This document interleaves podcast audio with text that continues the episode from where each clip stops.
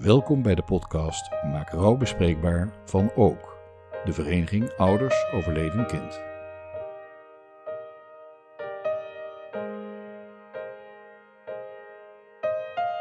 In deze podcast richten we ons op de pijlers van de vereniging, namelijk troost, herkenning en perspectief. Een podcast door en voor lotgenoten, maar toegankelijk voor iedereen.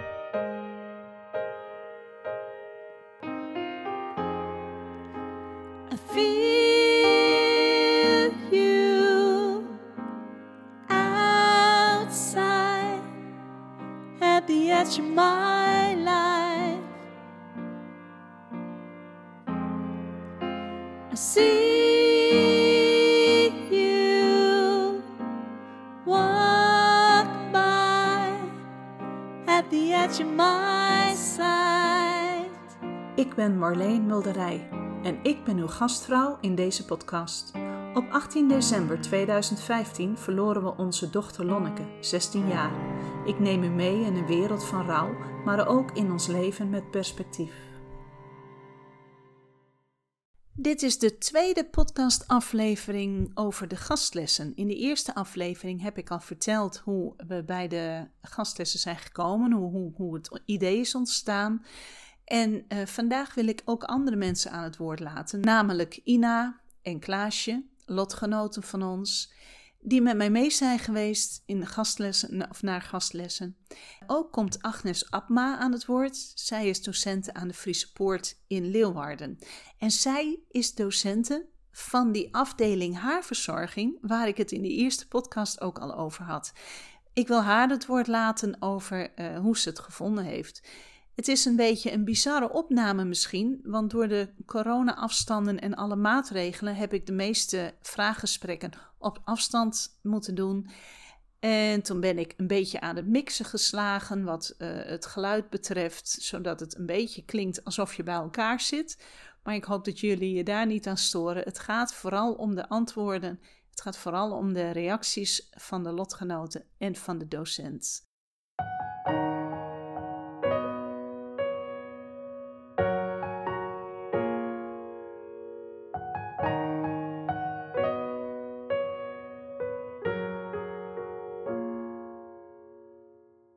Het eerste gesprek waar jullie middenin vallen is met Ina.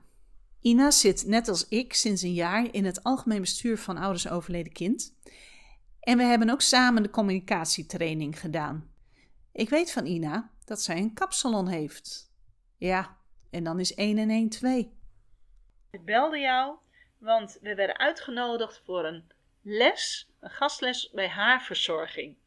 En ik ben zo benieuwd wat jij op dat moment Is dat al een jaar geleden? Ik had geen verwachtingen. Ik ging daar helemaal bleu in.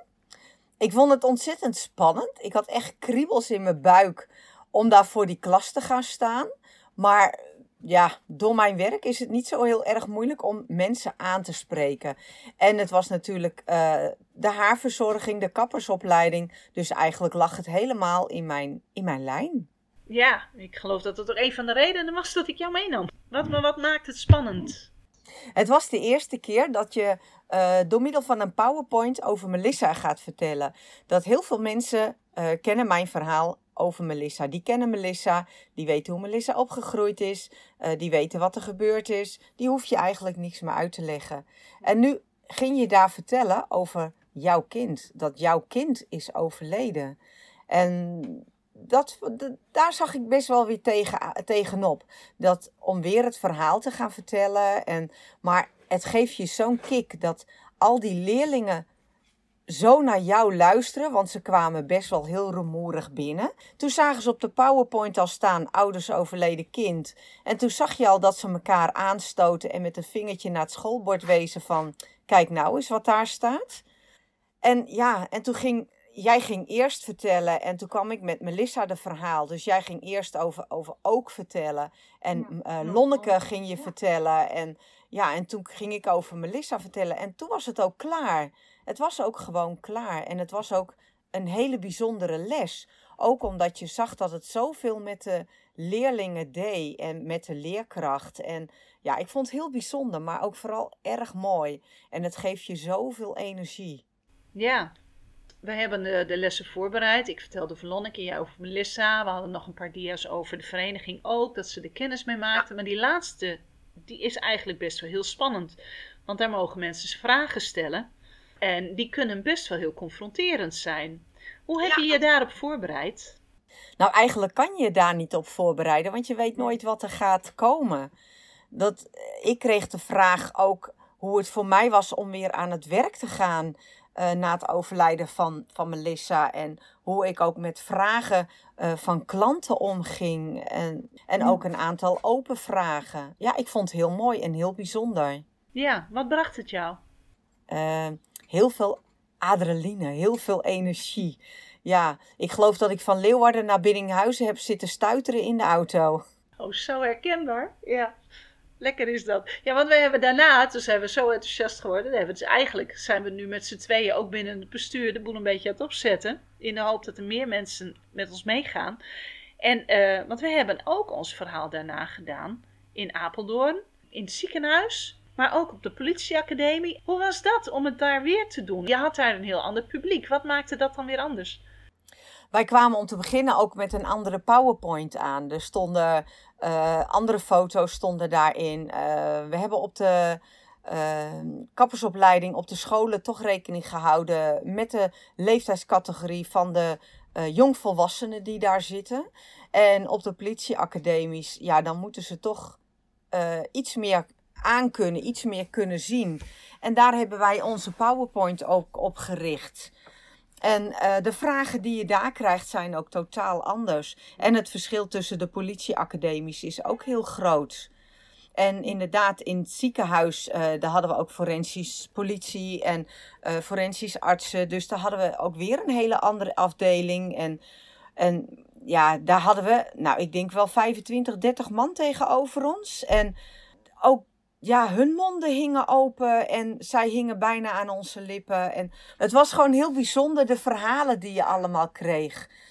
Uh, op een MBO is het meer vragen van als ik dat heb.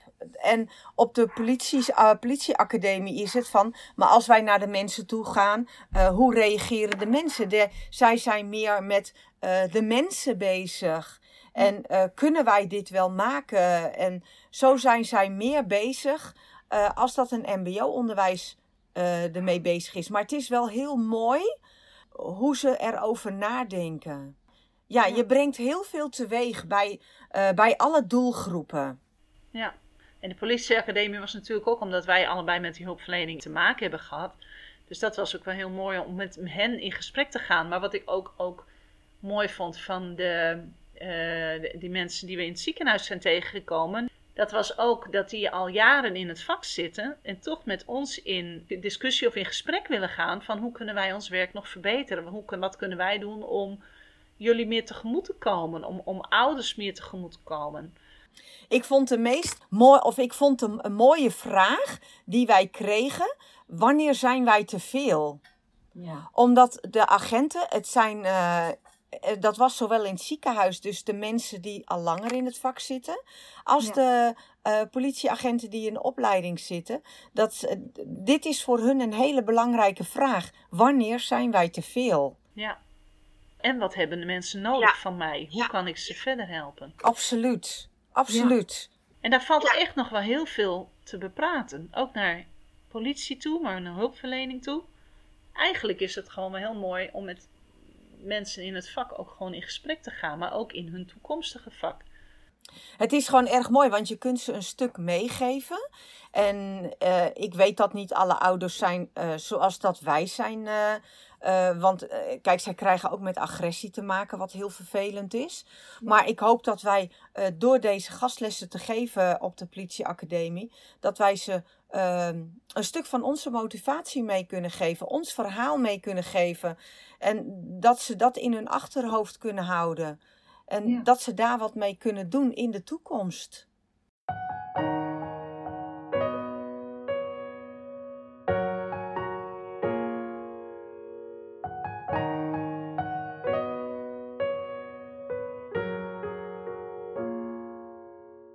Het tweede gesprek is met lotgenote Klaasje. Klaasje is uh, ook actief als uh, vrijwilligster in de werkgroep Noord. En daar heb ik dan ook kennis met haar gemaakt. Ik heb haar gevraagd mee te gaan naar een gastles op de Friese Poort. En ja, zij spreekt daar tijdens zo'n les zo vol liefde over haar zoon Niels, die ze al zo'n poos moet missen.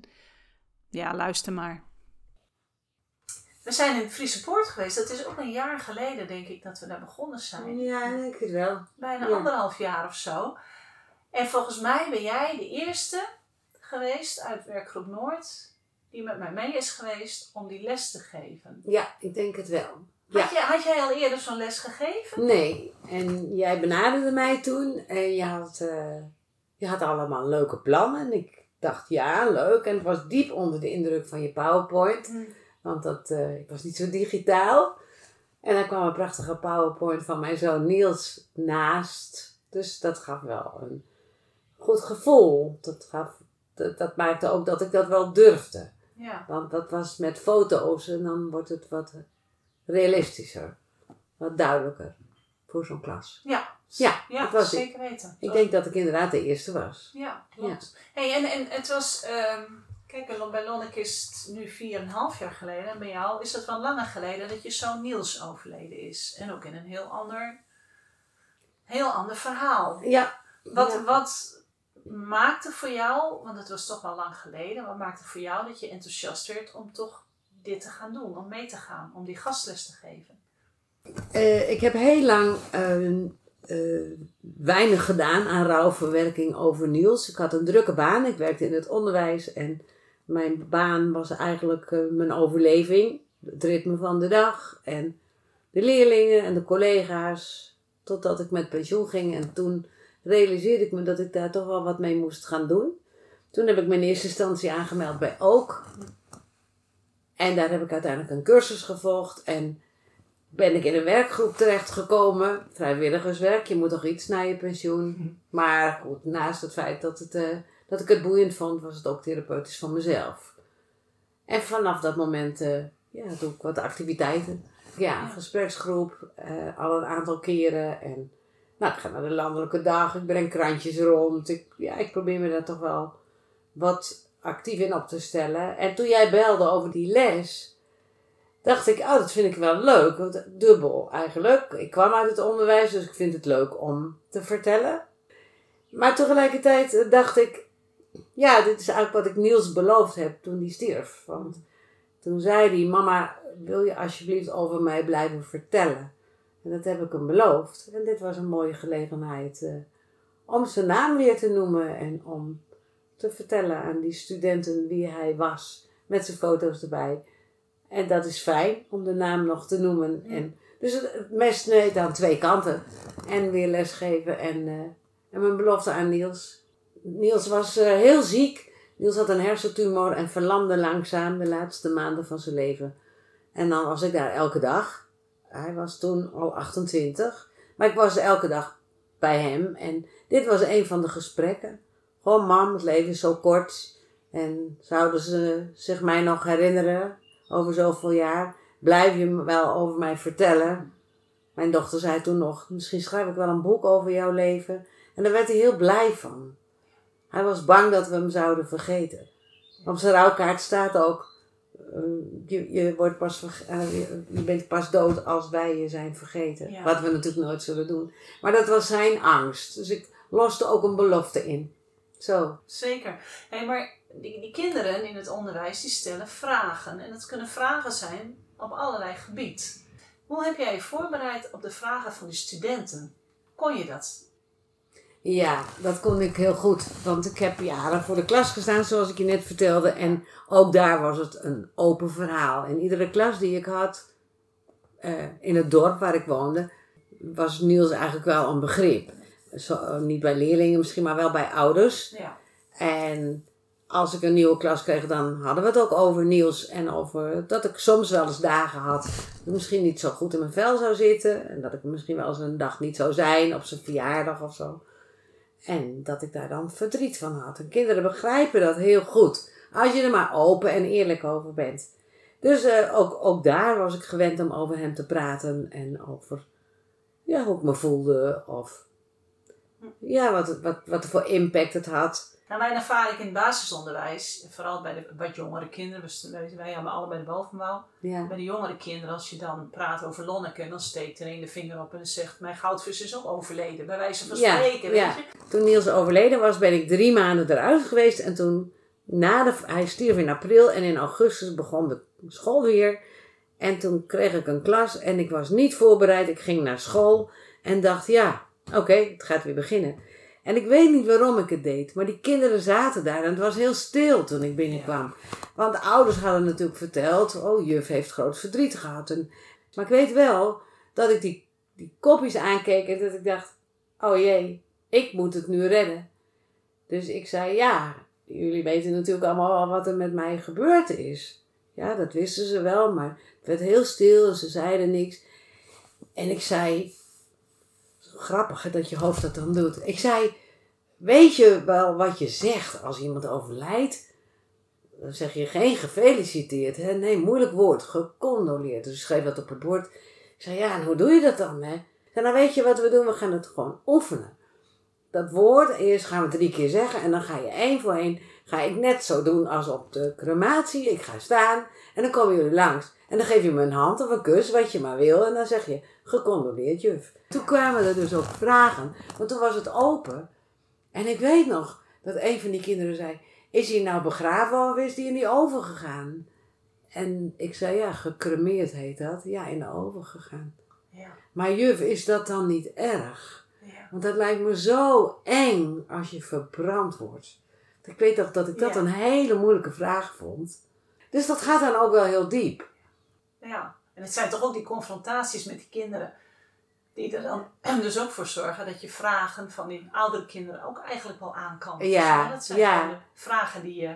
Ja, en voor mij is het gewoon een, het is gewoon een gegeven. Ik, Ja. iedereen die ik tegenkom vertel ik, ik ben moeder van twee kinderen en één leeft niet meer. Nee. En, eh, en dat maakt het ook makkelijker. Als Ja. je dat vaak genoeg doet, maakt het het makkelijker ook voor jezelf om het te accepteren. Maar tegelijkertijd is het ook een feest om de naam nog een keer te noemen. Ja, klopt. Nou, ik, ik weet dat wij allebei ongelooflijk enthousiast waren. Dat weet ik nog vanuit die les. Ook heel emotioneel, Ja. weet ik nog. We hebben echt wel even tranen zitten laten. Wat brengt het jou dat jij deze lessen kan geven? Dat we, dat we die ga- gastlessen kunnen doen? Nou, wat ik heel bijzonder vind, is dat we aan het eind een lijstje met do's en don'ts hebben. Ja. Dus eh, eh, er zit uiteindelijk ook nog een eh, aspect in van leren, wat je gewoon mee kunt geven. En ik heb als, als moeder en als mens het heel erg fijn gevonden als er iets zinnigs gezegd werd na de dood van mijn zoon. Dingen die je raken, bijvoorbeeld als hoe gaat het nu met u? En niet van het is al zo lang geleden, maar hoe gaat het nu? Of eh, als je dan in de supermarkt kwam, dat er iemand naar je toe kwam en die zei: Ik weet eigenlijk niet zo goed wat ik moet zeggen, maar ik zeg wel even dat ik het moeilijk vind. En Maar ik wil je wel even groeten. Dat was heel oprecht. Want ik werd in het begin met name heel erg boos van dingen als verdriet moet ook wel een keer weer over zijn. Mensen kunnen hele gekke dingen Ja. zeggen. Ja. En dat is niet omdat mensen dat willen om jou pijn te doen, maar omdat ze het niet weten. En ik denk dat vooral op deze leeftijd het heel erg belangrijk is dat je ze leert wat je wel en niet kunt doen. Dus het leermoment van onze emotionele les was misschien dat ze ons zagen. Maar tegelijkertijd komt er ook een briefje met do's en don'ts. Met name in, in vitale beroepen denk ik dat het heel erg belangrijk is om die do's en don'ts Ja. te weten. Als, als wij achteraf ook zeiden van wat blijft je bij van deze les, dan waren de studenten ook vaak dat ze zeiden van nou die do's en don'ts. Ik stap nu gauwer op iemand af dan dat ik zou doen. Ja. Want ik, ik, ik leer dat dat dus wel mag. En ik Ja. leer dat ik dus gewoon erover mag praten.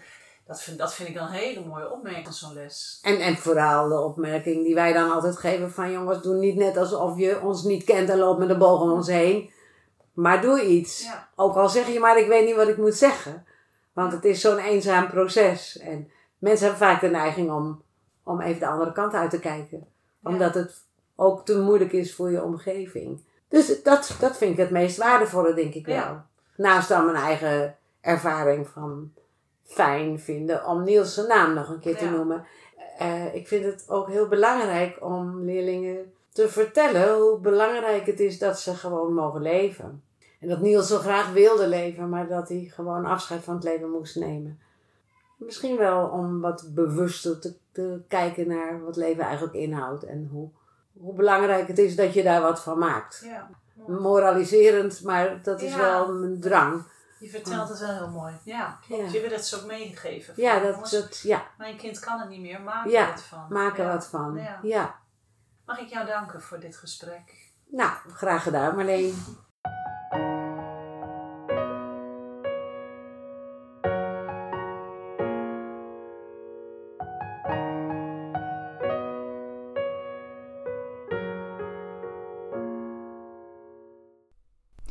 Aan het woord is nu Agnes Abma. Ik vraag haar welk doel zij voor ogen had toen zij onze gastles aanvroeg. Het doel wat ik voor ogen had, was de leerlingen, studenten bekendmaken met het onderwerp de dood. Dus eigenlijk de eindigheid van het leven. Ze leven natuurlijk heel vaak hun leven alsof het oneindig is. Maar naar aanleiding van de Levo-lessen, waarbij je het hele jaar bezig bent met jezelf, met je eigen ontwikkeling, met je eigen grenzen, is dit natuurlijk ook een onderwerp wat, eh, nou, wat heel vaak eh, niet vergeten wordt, maar de confrontatie wordt heel vaak, denk ik, niet eh, aangegaan tijdens de lessen. Maar wat natuurlijk ontzettend belangrijk is, iedereen komt er tegen in zijn omgeving. En eh, vooral in de kapperstoel.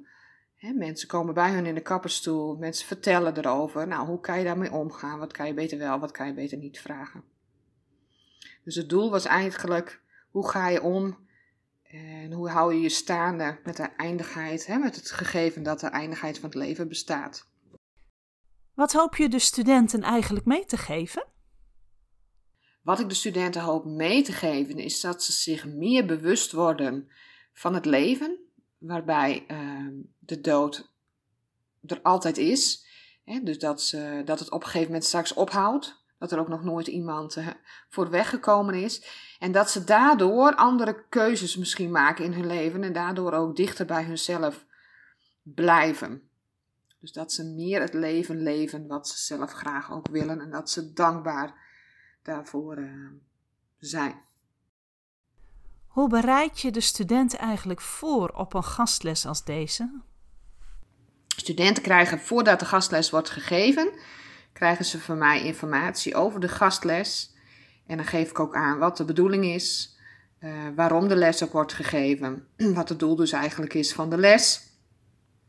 Uh, dus ik verplicht ze hiervoor niet.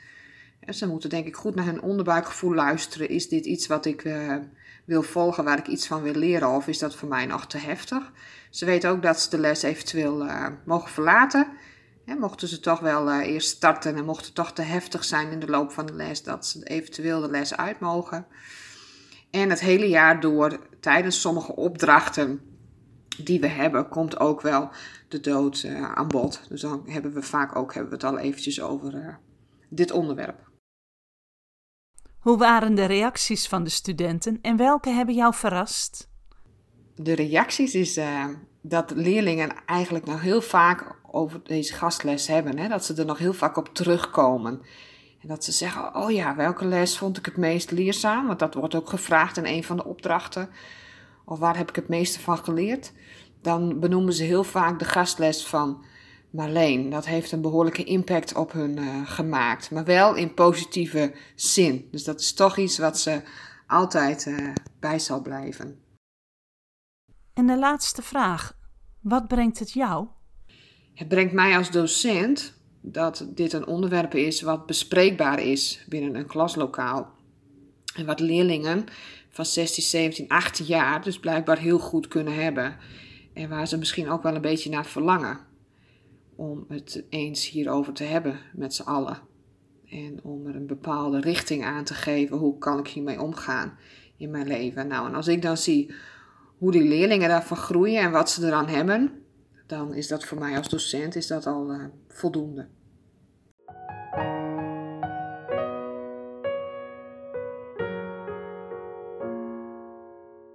Wat ik zelf heel fijn vind en wat ik ook bemerk bij de lotgenoten die met mij meegaan naar de lessen, is het enthousiasme over het feit dat we de namen van onze kinderen mogen blijven noemen en dat wij niet alleen ons verhaal vertellen om het gewoon kwijt te zijn, maar juist om verbinding te maken met onze omgeving, de mensen die niet begrijpen waar wij, waar wij doorheen moeten. En ik denk om begrip te krijgen, wij ook van de wereld om ons heen hoor, moet je elkaar gewoon de verhalen blijven vertellen. Hoe moeilijk ook af en toe. Dus ik wil mijn gasten in deze podcastaflevering hartelijk bedanken voor hun medewerking.